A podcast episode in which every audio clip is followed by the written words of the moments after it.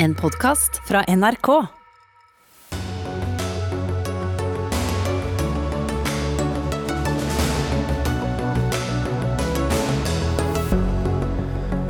Oslo-politiet sviktet i Eirik Jensen-saken, mener eksternt utvalg. En knusende dom, sier krimkommentator. Fredens tempel, den historiske Nobelvillaen i Oslo, står i fare for å bli solgt. Nobelkomiteen er i pengeknipe, og Stortinget vil ikke punge ut. LO og NHO med felles plattform for det grønne skiftet, med oljeleting. Plattformen var utdatert før den ble skrevet, mener miljøbevegelsen. Og Arbeiderpartiet vil ha full gjenåpning av breddefotballen. Rart at spillere kan gå på pub, men ikke trille ball på en bane, mener Trond Giske. Ja, Det er noen av sakene i Dagsnytt 18 denne onsdagen, der vi også tar en runde på Europas siste diktator, med adresse Minsk. Men vi starter med den nye rapporten om Eirik Jensen-saken som nå foreligger. Politimannen ble som kjent dømt til 21 års fengsel for grov korrupsjon og medvirkning til hasjsmugling. Et halvt år etter at Eirik Jensen ble dømt til 21 års fengsel, så kommer også evalueringen. Ingeborg Moen Borgerud, du er utvalgsleder og høyesterettsadvokat, og står bak denne rapporten. På hvilken måte sviktet ledelsen i Oslo-politiet? Først og fremst så sviktet ledelsen ved at den ikke fulgte opp de bekymringsmeldingene som kom. Det var flere i Oslo politidistrikt som meldte fra til Jensens ledelse om eh, at han ikke fulgte eh, informantinstruksen. Og da er det jo et grunnleggende krav, nemlig at da må man undersøke hva som har passert. Det ble ikke gjort, og det er en av grunnene til at Jensen kunne fortsette i år etter år som informantbehandler. Så det at man ikke lyttet til varslere, er også det mest alvorlige dere har funnet? Ja, eh, det er ganske alvorlig. Eh, og det, det som jeg tror er veldig viktig å uh, ha fokus på, det er at de som sa fra, det er personer som har kontrolloppgaver i forhold til informantregelverket. Og de sa fra til den som var Jensens nærmeste sjef, en seksjonsleder, som også hadde ansvaret for å påse at uh, instruksregelverket uh, ble overholdt. Og jeg, jeg, tror det er litt viktig å se på altså, hvorfor er akkurat dette så sentralt? Og vi har jo å gjøre med informantbehandling Eh, som er en ulovfestet metode. Eh, eh, hvor det er helt sentralt, både av hensyn til rettssikkerhet og av hensyn til yrkesetiske regler, at håndteringen mellom politiet og de kriminelle miljøene som gir informasjon, går riktig for seg. Og når man er i en posisjon hvor man har et eh, instruksverk som nettopp skal påse hensynet til sikkerhet, rettssikkerhet og til etiske hensyn. Eh, og så ser man at en avsnittleder i en slik situasjon ikke følger regelverket. Og vedkommende leder, eller lederskapet, som har ansvar for dette, ikke følger opp, så er det mer enn alvorlig etter utvalgets syn. Mm. Mer enn alvorlig, Benedikte Bjørnland, politidirektør? Ja, jeg vil jo si at det har vært en eh, alvorlig eh, rapport eh, å ta imot i dag. Samtidig så tenker jeg det er en rapport som egner seg for læring. Og som gir retning for at vi kan iverksette tiltak som gjør oss mindre sårbare for korrupsjon, politikorrupsjon i fremtiden. Jeg forstår at du er mer interessert i å svare på spørsmål om læringspunkter enn å fortelle hva slags konsekvenser dette eventuelt får for enkeltpersoner i denne saken? Ja, og Oppfølging i personalsporet det tar ikke jeg på Dagsnytt 18. Det får i tilfelle være noe som vurderes eh, av politimesteren i Oslo. Men bør en slik oppfølging komme? Det syns jeg det er for tidlig å konkludere med nå. Vi har fått rapporten, vi har riktignok fått noen dager før, men vi har ikke fått eh, arbeidet oss gjennom den, så det får komme eventuelt etter hvert. Men eh, Jensen arbeidet altså, var det i 21 år? Eh, under slike forhold, og det ble ikke oppdaget. Hvilken kommentar har du til det i dag, etter å ha lest rapporten? Jeg syns det er en svært alvorlig eh, rapport. Eh, korrupsjon er som et utgangspunkt alvorlig i seg selv. Politikorrupsjon er jo egnet til å svekke tilliten til rettsstaten. Så det er klart at uh, dette er noe uh, vi må ta inn over oss, selv om dette er en tilbakeskuende rapport. Det er uh, gått noen år siden dette skjedde. Mye har også blitt bedre. Men det utvalget sier, er jo at ja, selv om sannsynligheten for korrupsjon sannsynligvis er ganske liten, så er risikoen helt reell. Og det er, det er god lærdom å ta med seg videre. Eh, vi mangler jo forskning på politikorrupsjon i Norge, så det er et av de tiltakene vi synes er eh, svært naturlig å følge opp. Eh, og vi kunne også tenke oss å se på et, et nordisk perspektiv mm. med en sånn forskning. Men foreløpig så holder vi oss til akkurat denne rapporten. og Sier rapporten noe om hvordan dette kunne skje? Det er ikke et entydig svar på hvordan det kunne skje. For det vi snakker om, det er unnlatelser unnlatelse av å følge opp. Eh, men det eh, rapporten gjør, er å peke på forskjellige elementer eh, som kan ha vært medvirkende årsak til at det ikke ble foretatt de undersøkelser mm som burde vært foretatt. Som for eksempel? Som for eksempel dette at det var en eh, oppfatning om at han leverte godt, gode resultater.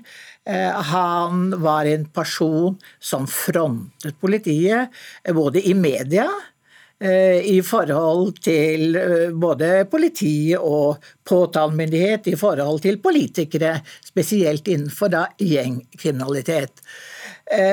Hvorvidt slike forhold har vært avgjørende for at det ikke blir fulgt opp, det kan ikke vi si. Men det vi kan eh, vise til, det er at dette er elementer som sannsynligvis kan ha eh, vært en forklaring mm. på at det ikke ble gjort noe. Men vil du peke, eller Peker dere på uh, personfeil, eller peker dere på systemfeil? Ja, altså vi, vi, peker på at det er systemfeil, og da har jeg lyst til å si to ting.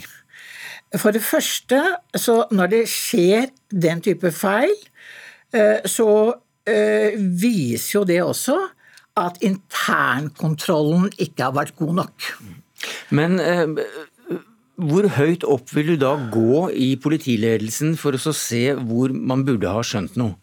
Ja, Hvem er det som har ansvaret for en systemfeil, for å spørre annerledes? Ansvaret for en systemfeil i politiet ligger alltid per definisjon hos politimesteren.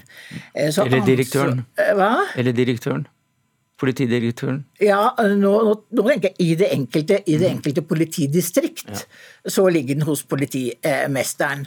Eh, og apropos det, vi, apropos det, vi, snakket om, nemlig internkontroll, så har det vært eh, arbeidet og gjort veldig mye i løpet av de årene eh, fra det vi snakker om nå og, og, og frem til i dag. Det er det ene.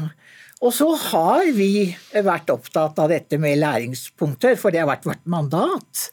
Men det er jo klart at det fremgår jo tydelig av rapporten at det er jo enkeltpersoner også som ikke har gjort det de skulle mm. gjøre. Men det alvorlige er at ikke, at ikke det ble fanget opp. Dere eh, nevner også ytringsklimaet um, i politiet som ikke har vært godt nok. Det går fram av denne rapporten. Hva sier du som direktør til det? Jeg håper jo at eh, vi har bedret oss siden 2013 og tidspunktet for Eirik Jensens pågripelse. At det har skjedd, skjedd, mye positivt i norsk politi. Og generelt sett så scorer vi faktisk ganske godt på medarbeiderundersøkelse, så folk opplever at de har et godt ytringsklima i politiet i dag. Kan vi stole på dere nå? Om vi kan stole på politiet? Mm. Du vet hva, Det vil jeg si at det kan man. Men det vil alltid være en risiko for at en slik hendelse kan skje igjen. Jeg kan ikke sitte her og gi en garanti for at dette var en enkeltstående hendelse. Det ville være manglende risikoerkjennelse. Så overskriften på nrk.no i morgen er politidirektøren uttaler dette kan skje igjen? Jeg håper ikke det. Vi skal gjøre alt vi kan for å forebygge det. Mm. Men utelukke korrupsjon også i politiet. Det kan vi ikke gjøre. Takk skal dere ha, Ingeborg Moen Borgerud, utvalgsleder og høyesterettsadvokat, og til deg, Benedicte Bjørnland, politidirektør. Over til deg, Øystein Millie. Som eh, krimkommentator i eh, VG så har du fulgt denne Eirik Jensen-saken eh, tett i flere år. Og Du sier at dette er da en knusende dom over Oslo-politiet. Hva syns du er, er mest knusende her? Ja, det blir jo veldig klart uh, hvordan, uh, hvor fatalt det gikk når Eirik Jensen fikk holde på uh, et soloshow med Gjermund Cappelen over så lang tid. og Man ser jo da også at det har vært unnfallenhet blant ledere, og at man kunne ha grepet inn, burde ha grepet inn, men at av trolig ulike årsaker Jensen har fått holde på da for så vidt uforstyrret og uten noe innsyn, uten noe kontroll med dette forholdet, informant- eller kildeforholdet med Gjermund Cappelen. Og Det pekes da igjen på ledelsen i, i Oslo-politiet. og Vi spurte jo utvalgslederen eh, litt om det, men hvilke nivåer er det vi egentlig snakker om? Nei, altså Det har vært varslinger, og det har vært altså, vi kan begynne med det har vært to spesialenhetssaker mot Jensen før den store kom nå. Eh, og Det har vært eh, saker hvor det ikke har vært noe straff, men det har vært påtalevedtak hvor det har vært elementer som helt åpenbart i et arbeidsgiverspor verdt å, var verdt å følge opp. Og Det ser ut til å ha vært gjort i liten grad. Og så vet vi at det har vært varslinger fra Asker og Bærum. Jeg har selv snakka med politifolk i andre distrikter som har eh, helt eller delvis varsla og på en måte forsøkt å nå frem med at de har en dårlig følelse overfor eh, Jensen i Oslo. Eh, så, så, det er klart at det, det er vært mange, det, altså, men Disse varslene har jo da noen av dem bare forsvunnet ut i det store intet. Når vi satt i retten og, og det kom politifolk og under ed fortalte om at de hadde varsla om Jensen, og ingen kunne si hvor disse varslene tok veien, hvem som har behandla dem og hva som skjedde med dem, så må jeg si at det, eh, var jo rystende. Mm. fordi at Man fikk jo inntrykk av at noen satt og uh, hadde holdt hånda si over Jensen i politiet. Uh, og Det må da peke i retning av hans ledere. og Hvorfor de har gjort det, det kan man jo spekulere i. Men jeg tror jo en av grunnene som har vært inne på her, er Eh, at Jensen hadde en veldig eh, sterk stilling i politiet. Og jeg tror at han overfor en del ledere fremstod som så faglig sterk og overbevisende at han kanskje var vanskelig å stille spørsmålstegn ved det Jensen gjorde også. Ganske kort, eh, var det en god rapport? Tar han opp ja, vesentlige ting og kommer med grundige avveininger? Jeg syns den er en god rapport. Og jeg syns at den er klar og tydelig, og at den er så brutal som den må være for at man skal kunne få tillit til at politiet gjør det man kan for at en slik sak ikke kommer igjen. Takk skal du ha, Øystein Mille, krimkommentator i VG.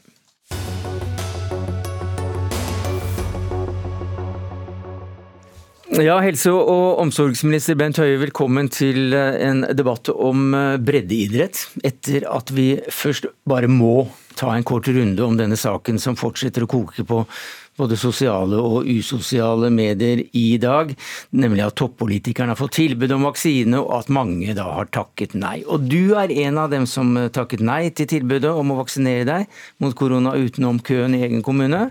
Og dermed så undergraver du din egen regjering, ser jeg stortingsrepresentant for Venstre Kjetil Kjenseth mener. Hva sier du til det? Nei, eh, det mener jeg at jeg ikke gjør. fordi jeg har jo begrunna eh, mitt valg nettopp med at jeg er en av de få som har svar på dette spørsmålet gjennom hele vinteren. Og min rolle har vært like samfunnskritisk eh, da. Og jeg har sagt hele veien at jeg skal vaksineres på det tidspunktet når det er min tur i kommunen. Og så har jeg jo selvfølgelig gjort den avveiningen da at det er jo en risiko for når jeg ikke vaksinerer nå, at jeg kan bli smitta. Men har, det er nå veldig kort tid igjen. Jeg blir vaksinert i min hjemkommune. og jeg har jo forholdt meg til denne situasjonen nå i såpass mm. lang tid. Men bør ikke alle som får tilbud om vaksine, ta vaksine?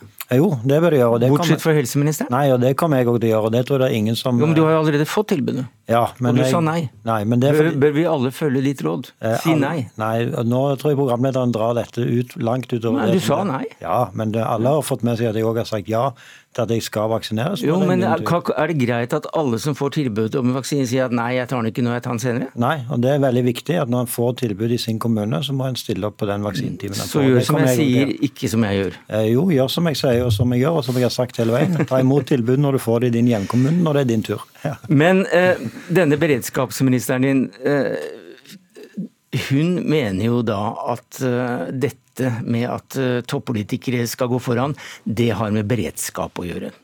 Ja, det har det. og Derfor har dette òg ikke vært noen enkel avveining Eh, for meg så er det et valg mellom å stå inne for det som jeg har sagt hele veien, mm.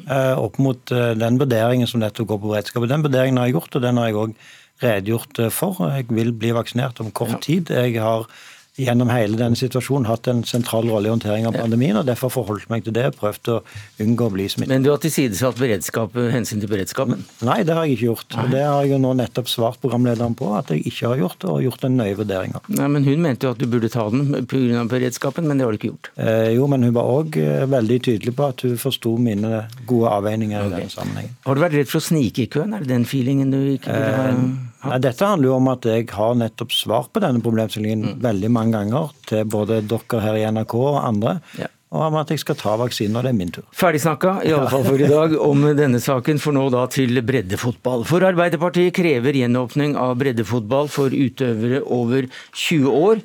Og Hvilket spørsmål vil du stille til Høie i Stortinget i morgen, Trond Giske? Du er stortingsrepresentant for Arbeiderpartiet og idrettspolitisk talsperson. Nei, Jeg mener jo at uh, smittevernpolitikken må følge faglig innsikt. Uh, og nå har uh, professor Olsvik, professor i medisinsk mikrobiologi, laga en rapport hvor han har prøvd å sammenfatte den forskninga som finnes på smittefaren ved fotball. Vi har erfaring fra fotballen for dem under 20, hvor flere hundre tusen spilte kamper i hele fjor. Og vi vet nå at det er minimal smitterisiko ved at 22 spillere eh, møtes på en 7000 eh, kvadratmeter stor bane og spiller vanlig fotball. Så Likevel så tviholder Bent Høie på å nekte ikke bare kamper, men også trening hvor man spiller vanlig fotball. Og Spørsmålet er hvorfor i all verden kan man ikke nå sørge for at folk får drive den fysiske aktiviteten som fotball er, mm. når det er minimal smitterisiko ved det? Nei, Det er rett og slett fordi at de som er de faglige myndighetene på dette området, og som ikke representerer en enkel rapport bestilt av en interesseorganisasjon, men eh, de som faktisk gir oss råd i denne sammenhengen, har vært veldig tydelig på at det å åpne for breddeidretten for voksne og gi de unntak, for det dette handler om å gi unntak for énmeterskravet. Det er et uh, unntak som vi har gitt i veldig liten grad. Det er blitt prioritert når det gjelder barn og unge på skolen og barn og unge i idretten. Eh, ellers så gir vi ikke unntak for énmeterskravet i denne fasen. Og så har vi sagt at eh, i i det neste trinn, i trinn tre, så kan vi gi unntak òg for voksne. Mm. Eh, men da utendørs, og i trinn fire innendørs. Ja, nei, Det er jo det helseministeren nå sier, at fotballen skal komme aller sist, altså i trinn fire. Og Du sier at det er faglige råd som legger dette til grunn. Det er ikke riktig det som Nakstad ble spurt bare La meg snakke nå. Nakstad ble Et øyeblikk, et øyeblikk også bare oppklare det. Han, de er vel med i trinn tre når det er utendørs, trinn fire innendørs. Ja. ja. Så, så kan det gå videre. Trinn tre er fotballen ute med. Nakstad ble spurt eh, av TV 2 Eh, om det var farlig å spille fotball. Da sa han at nei, det er liten risiko eh, for smitte ved fotballspillinga. Det man var redd for, var pølsekøen, publikum og reisevirksomheten. Så sier Fotballforbundet da stenger vi pølsebua, vi passer på at det ikke er publikum, og vi trenger ikke å reise langt for å spille fotball. Bjørn Gullvåg sier og det sa han nylig nå i media, det er liten risiko i forbindelse med utendørs fotballspilling. Det er store folkemengder som er risiko. Og når TV 2, etter din henvisning, spør eh, FHI om fotball, så svarer fagdirektør Line Wold at vi har dårlig kunnskap om effekten av hvert enkelt smitteverntiltak. Olsvik-rapporten går gjennom det som finnes av forskning internasjonalt og i Norge, og sier at det er liten smitterisiko. Hvilken faglig utredning, forskning, vurdering er det du bygger på når FHI, Gullvåg og Nakstad sier at dette ikke finnes? Eh, det som FHI og Helsedirektoratet svarer i de offentlige, grundige rapportene til regjeringen om dette spørsmålet, eh, og ikke enkeltsitater fra media. Eh, Espen Nakstad han stiller opp i media døgnet rundt. Eh, dette ene sitatet som eh, du og mange andre elsker å bruke, er et sitat som er brukt ofte, men som jo ikke representerer det men jeg spurte ikke om det, jeg spurte Hvilke faglige vurderinger, studier, forskningsrapporter, analyser av fotball som sier at dette smittefarlig, er det du bygger på? Det er det jeg spør om. Konkret. ikke Eh, ikke noe som er sagt i media, men som du har fått. Helt konkret på det, så er det det siste svaret fra Helsedirektoratet og Folkehelseinstituttet når det gjelder en fullstendig gjennomgang av vurderingen av hva som skal åpnes i trinn 2, trinn 3 og trinn 4, i 4 i Norge, der deres faglige anbefaling er at eh, fotballen eh, og resten av breddeidretten for voksne bør vente til trinn tre, fordi dette representerer unntak for énmeterskravet for en veldig stor voksne, gruppen voksne i Norge. og den gruppen eh, unge voksne i Norge som nå har en økende eh, smitte. Sånn at eh, Det er det som er bakgrunnen for at vi forholder oss til de anbefalingene som er kommet. Unge voksne som du snakker om, de kan nå sette seg sammen, fem stykker i en bil. De kan kjøre til treningsfeltet der må de stå og sentre med god avstand til hverandre, ikke spille fotball. Så kan de sette seg inn i bilen sammen, så kan de kjøre til nærmeste pub. Der kan de tilbringe hele kvelden sammen, og så kan de gå på nachspiel sammen. Ifølge dine regler. Men de kan altså ikke spille 90 minutters fotball, hvor forskninga sier at hver enkelt spiller har nærkontakt i 87 sekunder i løpet av disse 90 minuttene. Mm. Og rapporten, vi må nesten bare høre Høie forklare dette her. Det virker jo helt urimelig. Eh, nei, fordi det er ikke unntak fra énmetersregelen eh, verken på puben eller på nachspielet. Eh, nå er det riktignok sånn at Arbeiderpartiet har brukt makten sin på å styre norsk smittepolitikk en eneste gang i Stortinget, og den brukte de til å åpne skjenkekranene. Det var ingen suksess.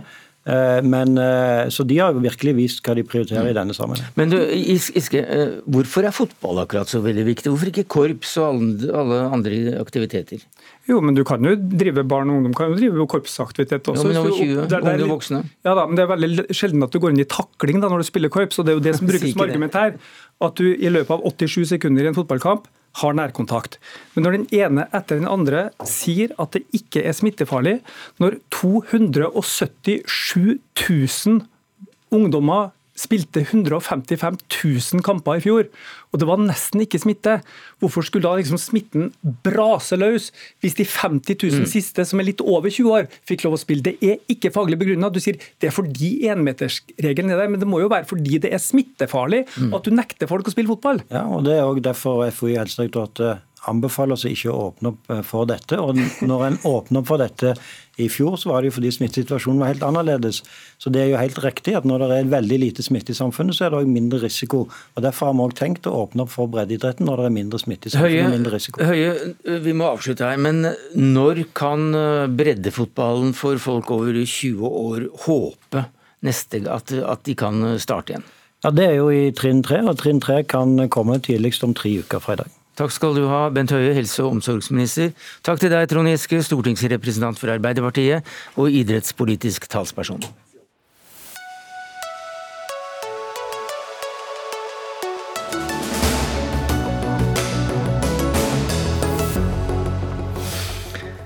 Ja, En eh, ny rapport om Eirik Jensen-saken er altså tatt opp, og vi skal snakke om nok en rapport, og denne gangen om noe ganske annet. og Det er denne felles energi- og industripolitiske plattformen som er kommet i dag. Det er, det er 100 sider.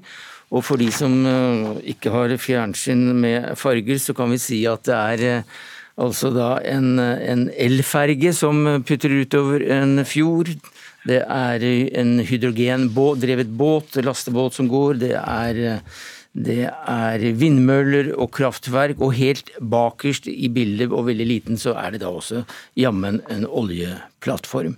Og dette er da den nye felles energi- og industripolitiske plattformen til LO og NHO. Og Ole Erik Amli, du er administrerende direktør i NHO.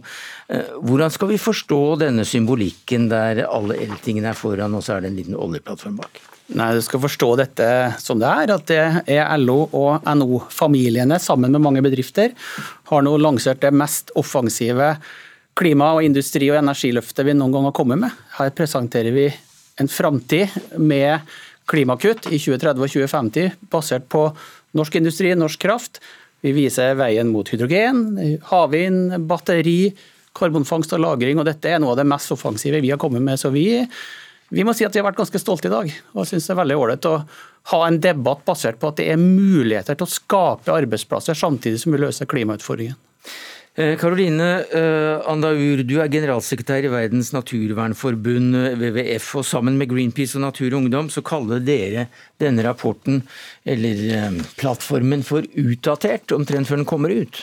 Hvorfor det? Ja, jeg kalte den supergammeldags fordi den selve premisset for rapporten er jo feil. Eh, nettopp du peker på den lille plattformen i bakgrunnen.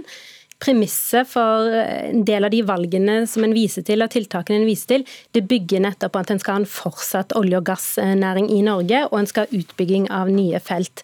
Eh, og Dagens virkelighetsbilde den viser jo til at det er det ikke rom for hvis vi skal nå Parisavtalens mål med å begrense den globale oppvarmingen til 1,5 grad.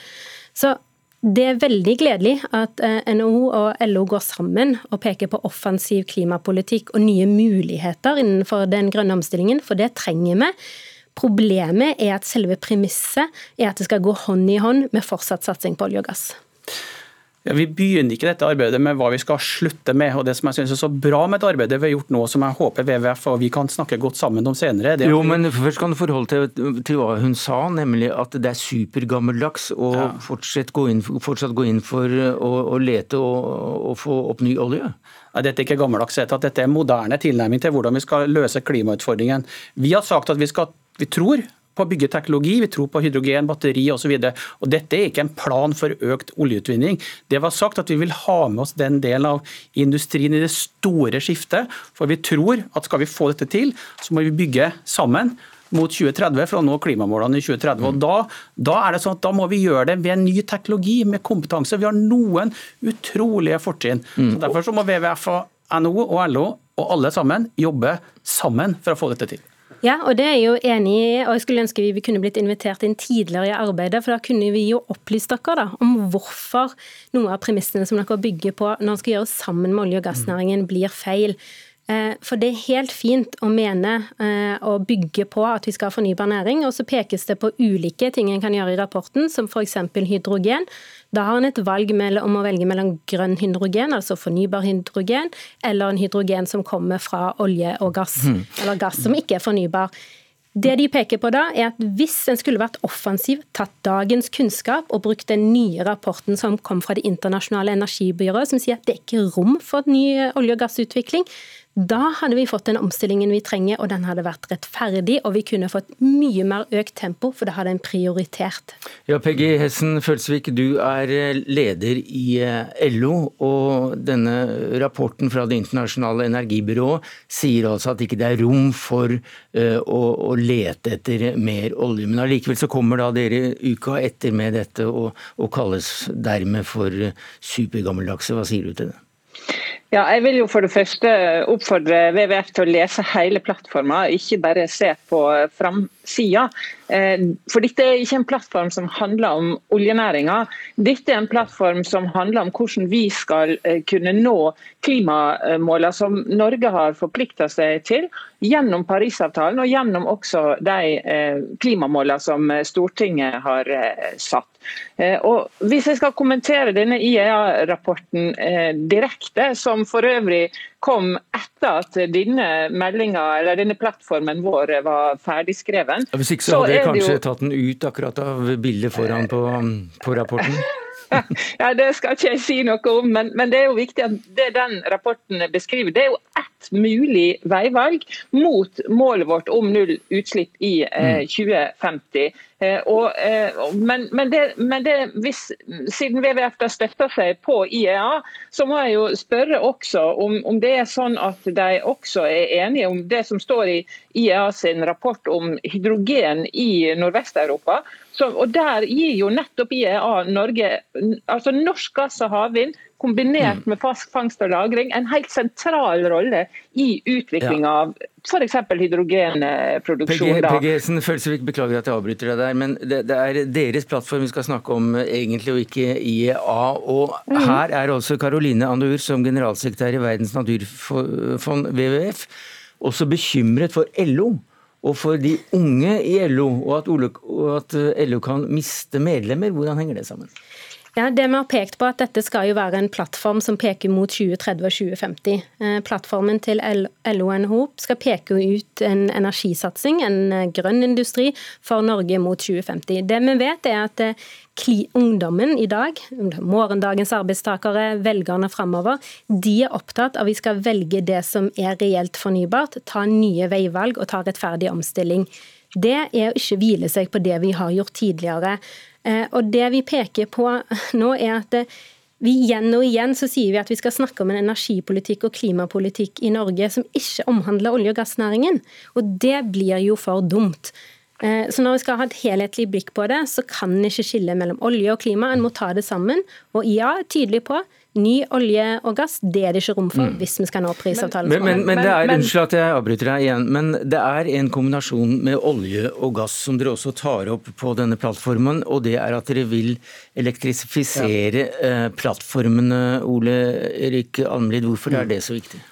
En fjerdedel av utslippene vi har i dag, kommer fra sokkelen. Så vi er nødt til å få ned de utslippene for å nå 2030-målene. Og Da har vi sagt at vi må elektrifisere fra land for å sikre at vi får elektrifisert sokkelen og får bort de utslippene. Så har vi sagt at det må vi gjøre nå, for at havvind kommer til å komme litt etter hvert. 2030. Mm, ja, 2030. Kanskje litt før, kanskje litt etterpå. Men uansett så skal vi få dette på havvind etter hvert.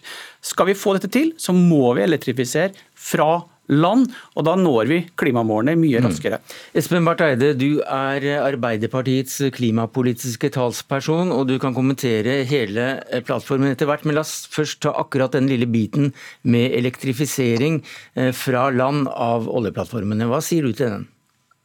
Ja, På akkurat det spørsmålet så mener jeg at eh, det riktige er å satse på å elektrifisere så mye man kan med havvind. Det er helt åpenbart riktig at du også trenger kabler til og fra land, fordi at det blåser ikke hele tiden. Noen ganger blåser det for mye. Men du bør i hvert fall ha som et siktemål at du bruker denne fasen hvor vi skal elektrifisere sokkelen til å trekke opp en havvindindustri mm. som så i fremtiden kan stå på egne ben og produsere kraft enten for eksport eller inn til, uh, inn til Norge. Men i første omgang brukes elektrifisering av sokkelen. Det er ikke et enten-eller, men det er en vektlegging av mer vekt på havvind. Så, så, så, 2030 er et, eh, er et, eh, bra tidspunkt å, å fase inn havvind på? Jeg mener at vi skal, ikke, vi skal ikke vente lenger enn nødvendig. Vi må legge et grunnlag nå for å løfte fram en havvindindustri som både er en industri som i seg selv kan fylle mange av ordrebøkene i verkstedhallene som tidligere bygde oljerigger og sånn, men som også kan sørge for at vi har en ren energikilde til oljen uten å stjele så mye kraft fra landindustrien som vi ville tatt hvis vi ikke satset på havvind. Så Det mener jeg er en viktig del av denne diskusjonen. Men så, så var det hele plattformen som klimapolitisk talsperson for Arbeiderpartiet, som jo står i alle fall LO svært, svært nært. Hva sier du til den? Jeg syns den er veldig god. og Jeg må, må si at jeg, synes, eh, jeg, jeg, jeg, har forståelse for at Caroline Andaur helst vil snakke om oljeleting, men denne rapporten handler om noe annet. Jeg har lest den grundig, og jeg mener at det noe LO har gjort her, er kanskje noe av det grønneste og mest fremadskuende de har gjort sammen på noen gang, egentlig. Fordi dette er jo en beskrivelse av hvor vi skal. Det er de nye næringene. Det er det som skal løftes fram. Og så sier de en ting som jeg tror er utrolig viktig at blir sagt i offentligheten. Hele det grønne skiftet forutsetter mer kraft. Ja, vi skal effektivisere, vi skal bruke strømmen vår mest mulig rasjonelt. Kanskje vi kan kutte 10 terawatt på det, men vi kommer til å trenge mye mer enn det for å kunne mm. få til alle batterifabrikkene, hydrogenproduksjonen, alle disse grønne løsningene. Og Da er det en utfordring også til miljøbevegelsen at de må være med i en dialog om hvordan man forener dette grønne skiftet med et behov for mer kraft på en naturvennlig måte. Ja. Jeg er helt enig i at vi trenger mer kraft, og det må jo selvsagt skje på naturens premisser når vi skal bygge ut fornybar energi. Det at denne plattformen ikke handler eh, om olje, er jo en utfordring i seg sjøl, når mange av tiltakene viser til at vi skal fortsette med olje og gass. Jo, men Dere drar den lenger enn som så, for at dere ja. kaller det jo en oljeplattform og ikke en ja, og som, plattform for framtiden. Men det er sant, fordi når vi nå òg skal det bes om at vi må prioritere opp, vi må skalere opp, vi må få i gang det grønne skiftet, og vi skulle begynt i går og ikke i dag. Det handler jo om prioriteringer på statsbudsjettet. Det handler om prioriteringer av de beste hodene, kompetanseutvikling i Norge. Fremdeles så går det uhorvelig mye mengder inn i olje- og gassnæring som kunne gått til andre ting for å stimulere en hurtigere utvikling, f.eks. på havvind, istedenfor å vente på 2030 og vise til at markedet må bestemme på det. Det som skiller dagens energipolitikk og vyene til NHO og LO fra tidligere, er jo at nå trenger jo mer offensivitet enn har hatt før. Hvis en skal bygge den grønne næringen, så betyr det å si nei til noe og ja til noe. Og Det er det vi mangler. Vi kan ikke bare si ja til alt sammen. Vi må evne å prioritere, og da må vi prioritere det fornybare. Peggy Hessen Følsvik, vær så god. Men, men, det er, men, men, det er, altså noe med at hvordan skal WWF komme til det målet hvis, hvis, det, hvis verktøyet deres er å sette en sluttdato for oljenæringa. Vi hadde jo virkelig håpet at når vi har et så viktig felles mål, så ville de organisasjonene som vi hører ifra her nå, være med oss på den reisa og omstille industrien og omstille arbeidsplassene våre mot en felles grønn fremtid. Det de gjør nå, det er å gå rett i den grøfta som vi har advart mot veldig lenge og som vi har prøvd å bygge bro med denne plattformen. De polariserer debatten, og så går de rett i de skyttergravene som vi mm. absolutt ikke trenger hvis vi skal nå disse viktige felles målene fremover. Ja, mitt mandat er jo å kjempe for naturen og sørge for at vi får mindre utslipp og mer natur. og Da må jeg bruke den stemmen jeg har som en miljøorganisasjon. Og det bør jo ikke komme som noen overraskelse at vi er kritiske nå. og En hadde jo hatt valget og invitert oss inn og spurt oss hva er synet deres når vi skal legge fram Ja, Hvorfor i all verden inviterte dere ikke de, de, den grønne bevegelsen inn da? Fordi dette er et partssammensatt arbeid, sånn som partene i arbeidslivet alltid har tradisjonelt jobba i Norge. Og så skal vi selvfølgelig mm, invitere både eh, miljøbevegelsen og alle andre med i utvikling av dette videre. Men, men dette er et samarbeid mellom partene, sånn som vi alltid har gjort det når vi skal, eh, når vi skal jobbe framtidsretta partene i arbeidslivet imellom. Uh, jeg har lyst til å avslutte med deg, Ole Henrik Almlid. Dere er kalt en superlobbyorganisasjon av Klassekampen. Eh, hvordan skal dere jobbe nå da sammen, men uten den grønne bevegelsen, da, for å få fortgangen på den utviklingen som dere skisserer her? Vi skal jobbe sammen med WWF alle andre. For det IEA skisserer, det er at vi må gjøre det raskere, og vi må gjøre det større og vi må gjøre det mer omfattende. Og Det vi har presentert i vår plattform, er vi har presentert akkurat den samme plattformen også etter IE-avtalen. Ja, rapporten som har kommet nå. For Det skal vi gjøre sammen, og vi skal løse utfordringene med jobbskaping og klimautfordringen nå. Og vi skal gjøre det sammen med dere. Ja, men Hvordan vil dere invitere f.eks. WWF inn i disse, dette arbeidet videre? Som Peggy sier nå, så har dette vært partssamarbeid med mange bedrifter. Nå ja, men Hvordan skal, vi, skal dere gjøre det nå? Vi skal ha møter med dere og alle andre framover nå. For nå skal det realiseres politikk. Nye regjeringserklæringer kan skrives, mm. nye stortingsmeldinger og ny energimelding kommer snart nå.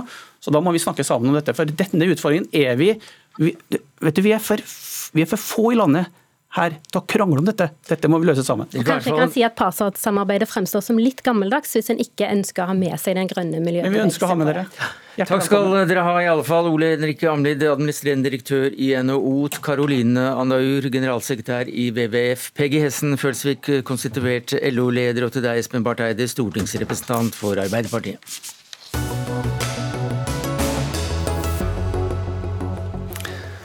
Ja, et eh, fly fra Hellas landet i Minsk. Det skulle ha vært i Litauen, men en bombemelding, en bombetrussel og et eh, hviterussisk jagerfly gjorde at kapteinen tok en ekstra stopp og ja, så vips eh, så var en regimekritiker ikke lenger blant passasjerene, men i et fengsel i Hviterussland.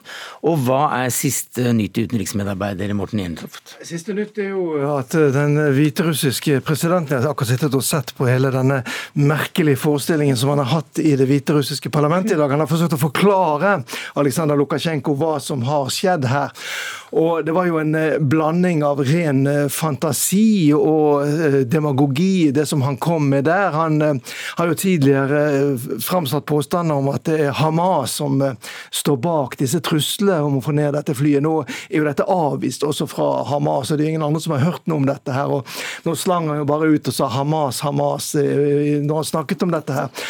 Men han kom i tillegg med påstander om at dette var ting som var framsatt også fra Sveits da, overfor myndighetene både i Hellas og i eh, Litauen. Sveits? ja, ja, altså han sa at Sveits, fra Sveits var da denne telefonen eller disse truslene kommet opprinnelig. Men altså det hele var jo en, et slags merkelig skuespill, og jeg syns at jeg så selv disse lojale støttespillerne til Aleksandr Lukasjenko i det hviterussiske parlamentet satt og vrei seg litt i stolen her. Men eh, de har ikke så veldig mye annet å gjøre. Han kontrollerer jo fremdeles eh, situasjonen i Hviterussland nesten totalt. Har kontroll over sikkerhetsapparatet, politiet. Opposisjonen er knekket, fengslet eller jaget i eh, eksil.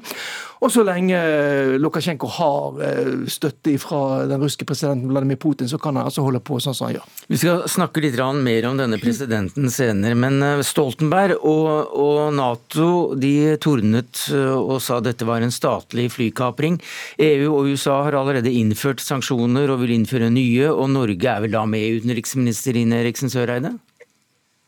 Ja, absolutt. For det første så er jeg helt enig i den beskrivelsen Stoltenberg gir. Dette er ikke noe annet enn en statlig flykapring, og regimet har kryssa en grense i sin jakt på regimekritikere og uavhengige journalister.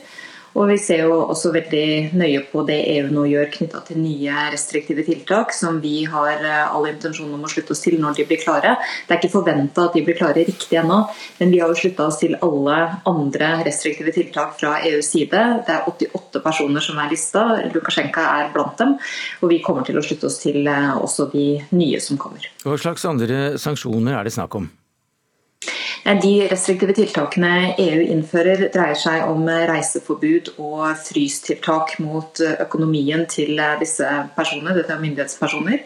Eh, Norge har nettopp eh, fått vedtatt eh, heldigvis en ny sanksjonslov som gjør det mulig for oss også å innføre økonomiske frystiltak mot de samme personene. og Det kommer vi til å gjøre når lista fra EU er klar. Men det kan også ta noe tid fortsatt. Og Samtidig så har vi jo uttrykt veldig klart vår fordømmelse av det som har skjedd. Og Dette er jo ikke noe som bare setter europeisk sikkerhet i fare, det setter jo menneskeliv i fare når man går opp med jagerfly for å tvinge et kommersielt fly til mm. å omdirigeres og lande i Minsk. Berit eh, Lindemann, du er eh, fagsjef eh, ved den norske Helsingforskomiteen. Hvordan vil du beskrive forholdene for folk som ikke er helt enig med regimet i Hviterussland?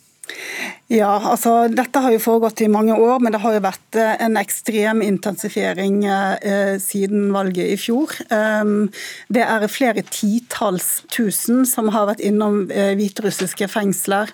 Uh, det er hundrevis, uh, hvis ikke tusenvis, eksempler på tortur. Det er personer som har mistet livet. Uh, det, så sent som denne uken så var det en opposisjonsleder som mistet livet i fengsel i en alder av 50 år. og så har vi da også også uh, tusenvis som har blitt drevet ut av uh, landet. Det var et veldig sterkt håp i begynnelsen av disse demonstrasjonene. Uh, og så tror jeg nok at mange nå begynner å miste litt håpet, fordi presset mot folk er for stort. Det er for store omkostninger, og de ser at overmakten er så stor. Det er, det er for store omkostninger ved å gå ut og demonstrere, f.eks.? Ja, mm. det er det. Mm. Men hva slags person er det da som som satt i dette flyet og som ble tatt ut og sitter i fengsel i dag? Ja, Det var egentlig en ganske ung journalist. Han bare 26 år. Eh, han var med å stifte en, en sånn bloggkanal som heter Nerta, som eh, publiserer på eh, Telegram, som er en veldig viktig en app Eh, som kan lastes ned overalt, og som eh, brukes veldig mye i tidligere Sovjetunionen og mange andre steder hvor man kan bli utsatt for eh, gjemming av internett. Men var han så farlig? Ja, altså Han i seg selv var jo ikke så farlig, men hele denne tilgangen på informasjon, alternativ informasjon, er farlig. Eh, og Nerta var jo ekstremt viktig i høst, fordi at de viste bilder, levende bilder av denne volden som opposisjonelle blir utsatt for, og det bidrar enormt sterkt til mobiliseringen. Jentoft, eh, er han så farlig for eh, det sittende regimet at eh, presidenten altså tar sjansen på den internasjonale fordømmelsen som er kommet også, eh, bare for å ta han? Ja, Det er jo riktig det som Berit sier akkurat her. Sant? fordi at Njerta var helt sentral i mobiliseringen til også disse demonstrasjonene. Gjennom denne kanalen her så kunne da folk se hvor skal du møte opp, hvor skal du gå. og Den kanalen ble jo altså drevet fra Polen faktisk fra nabolandet Polen. Og Lukasjenko og hans støttespillere var nesten hjelpeløse mot denne type mobilisering.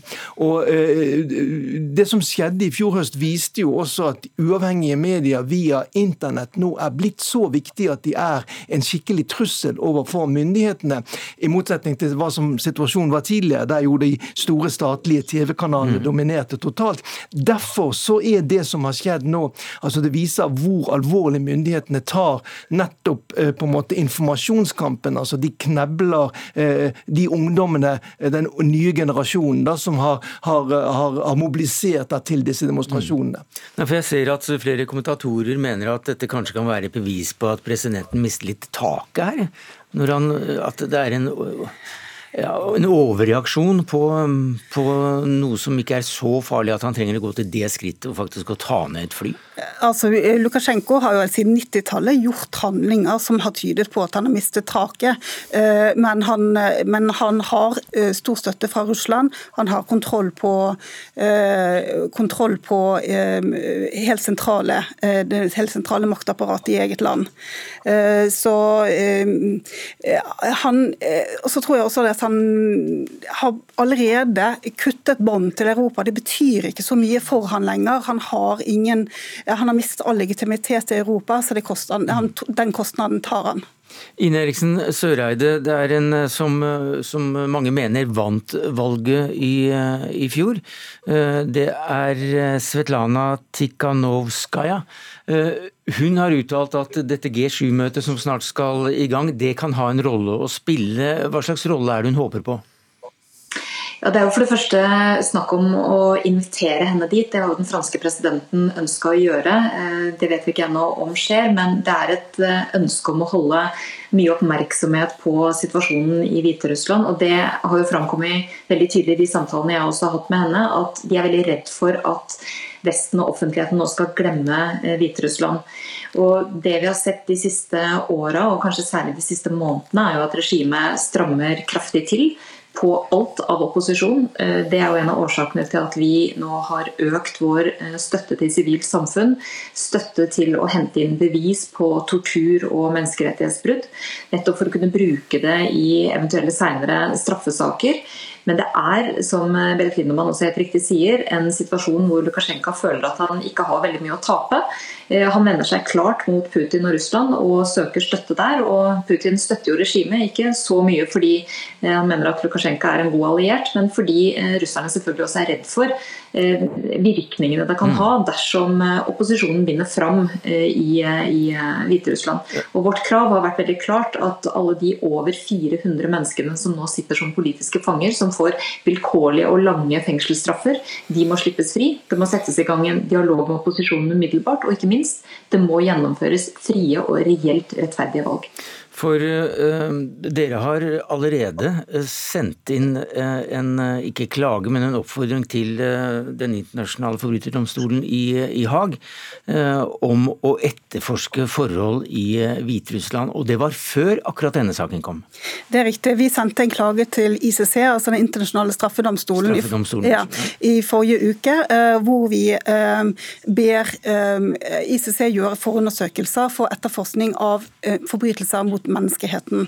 Eh, og I dag så har vi også sendt ny, et nytt tillegg som tar med hele denne saken, med kapringsaken. Og, og der eh, er jo, Nå er vi mm, bare en NGO, eh, og det er klart at det hadde vært veldig fint hvis vi kunne fått statlig, eller stater kunne også bedt om det samme, inklusive Norge. Hva sier du til det, Søreide? Ja, nå er ikke Hviterussland statsparti i ICC, men vi kommer til å lese den rapporten som Helsingforskomiteen leverer inn nøye, og jobbe sammen med våre likesinnede. Det skal jo også være et tema i Sikkerhetsrådets møte i dag, eh, situasjonen i Hviterussland. Og eh, vi har vært veldig opptatt av å støtte den plattformen som også Helsingforskomiteen er en del av, som nettopp samler inn bevis og dokumentasjon på både menneskerettighetsbrudd og tortur. Så dette kommer vi til å se nøye på. Mm. Til slutt så vil jeg bare trekke inn en, kanskje en Malapro-sak, men, men, det er altså ikke første gang at uh, et fly er tatt ned ufrivillig over Europa. Myndighetene har jaktet på en passasjer, og det flyet vi snakker om da, det var den gang president Evo Morales eh, om bord i, og det ble tvunget til å lande i Østerrike fordi USA hadde mistanke om at spionsiktede Snowden var om bord på flyet i 2013. Det er litt forskjell på reaksjoner her, Søreide? Jeg reagerer jo nå på det som har skjedd knytta til en statlig flykapring. Det er en eh, opposisjonell i det landet som tvinger flyet ned gjør det for å fengsle og arrestere han. Og det har vi jo sett veldig tydelig nå, klar fordømmelse fra det internasjonale samfunn, som også må reagere sterkt. Og jeg mener disse to sakene ikke kan sammenlignes. Her er det en regimekritiker, en journalist, som altså tvinges eh, til å, eller flyet han sitter i, tvinges eh, til å lande ved hjelp av jagerfly i Minsk, så han kan arresteres. Eh, det er ikke grunn til å legge skjul på at det er sannsynlig at både han og kjæresten hans, mm. som nå er arrestert, har blitt utsatt for tortur. Eh, og Vi ser jo de såkalte tilståelsene de har eh, gitt eh, i videoer, som jo ikke er troverdige på noen måte. og Det er jo nettopp fordi at regimet er kjent for å bruke tortur, og de er kjent for å bruke metoder som er dramatiske for å stilne stadig mm. flere regimekritikere. Takk skal du ha, Ine Eriksen Søreide, utenriksminister, til Morten Jentoft, utenriksmedarbeider i NRK, og til deg, Berit Lindemann, fagsjef i den norske Helsingforskomiteen.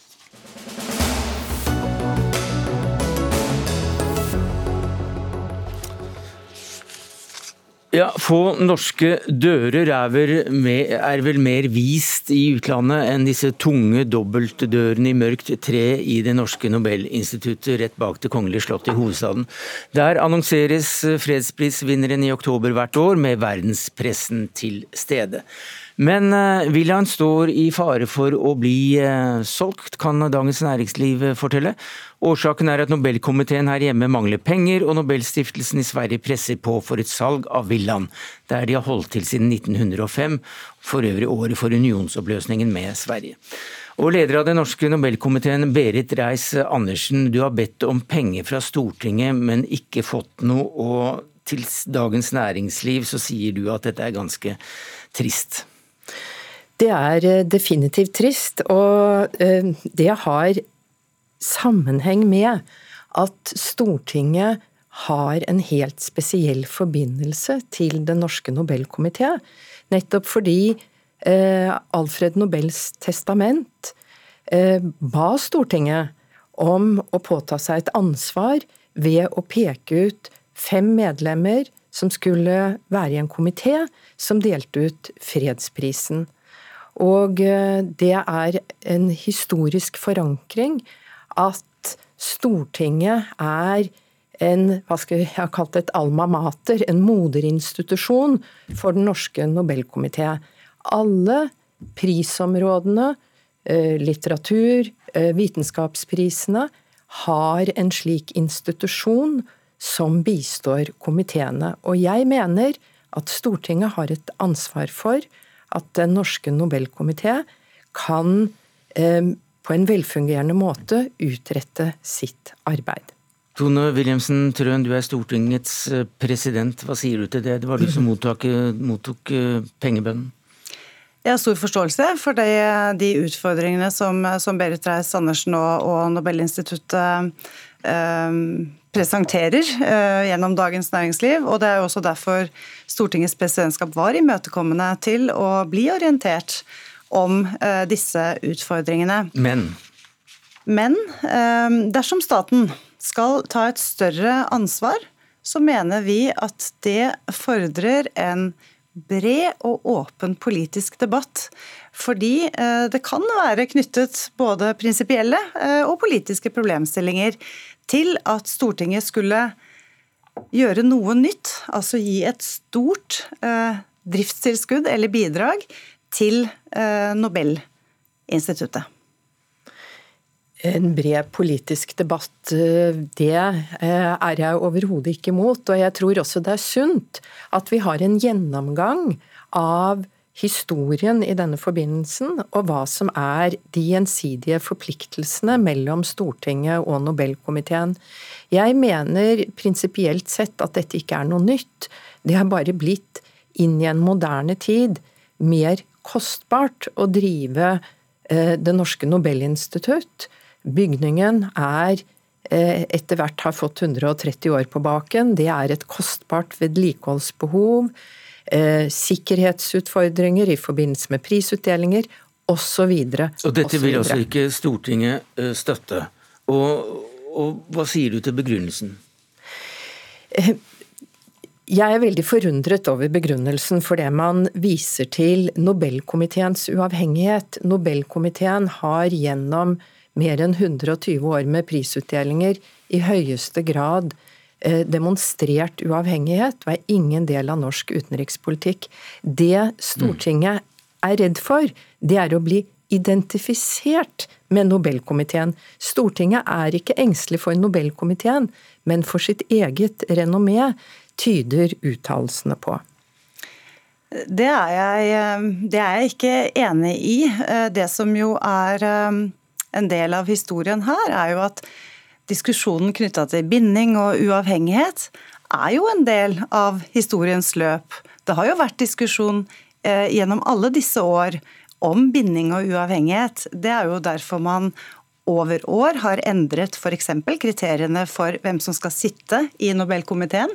Og det har også vært diskusjoner tidligere eh, knyttet til ønsket om økonomiske bidrag, hvor man har løftet disse prinsipielle diskusjonene. Så jeg syns det, det, er helt legitimt at eh, Berit Reiss-Andersen og instituttet tar kontakt og ønsker å fortelle om disse økonomiske utfordringene. Ja, Det har du sagt, men, men, men du vil også ikke gi noe penger? og spørsmålet men Jeg ber også om anerkjennelse for at vi tar på alvor at det vil kreve en bredere debatt f.eks. enn de fire partiene som sitter i Stortingets presidentskap.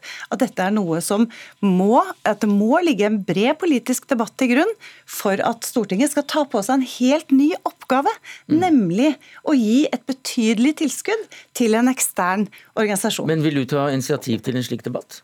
Ja, Denne debatten er jo i gang, og det er jeg veldig glad for. Og det, har, vært, det har egentlig vært vårt ønske hele Nei, tiden. For jeg ser også at det er, det er, noen som mener at det er denne saken, um, denne utdelingen til den kinesiske eh, dissidenten, som kan ligge til grunn for, for noe av, uh, av begrunnelsen for oss å si nei. Hva tror du om det? Jeg registrerer at det har kommet noen slike uttalelser. Eh, og hvis det er politikere som mener at vi ikke bør få et tilskudd fordi vi delte ut en pris til Liu Xiaobo, så mener jeg man skaper en binding snarere enn en avstand til Den norske Nobelkomité. Eh, fredsprisen vil, ja, har historisk noen ganger irritert norske myndigheter. Det gjorde den da Osjetskij fikk eh, prisen, eh, og eh, Hitler utsatte Norge for et press. Leo Chabot, eh, atomprisen i 2017 osv. Det kommer vi til å gjøre.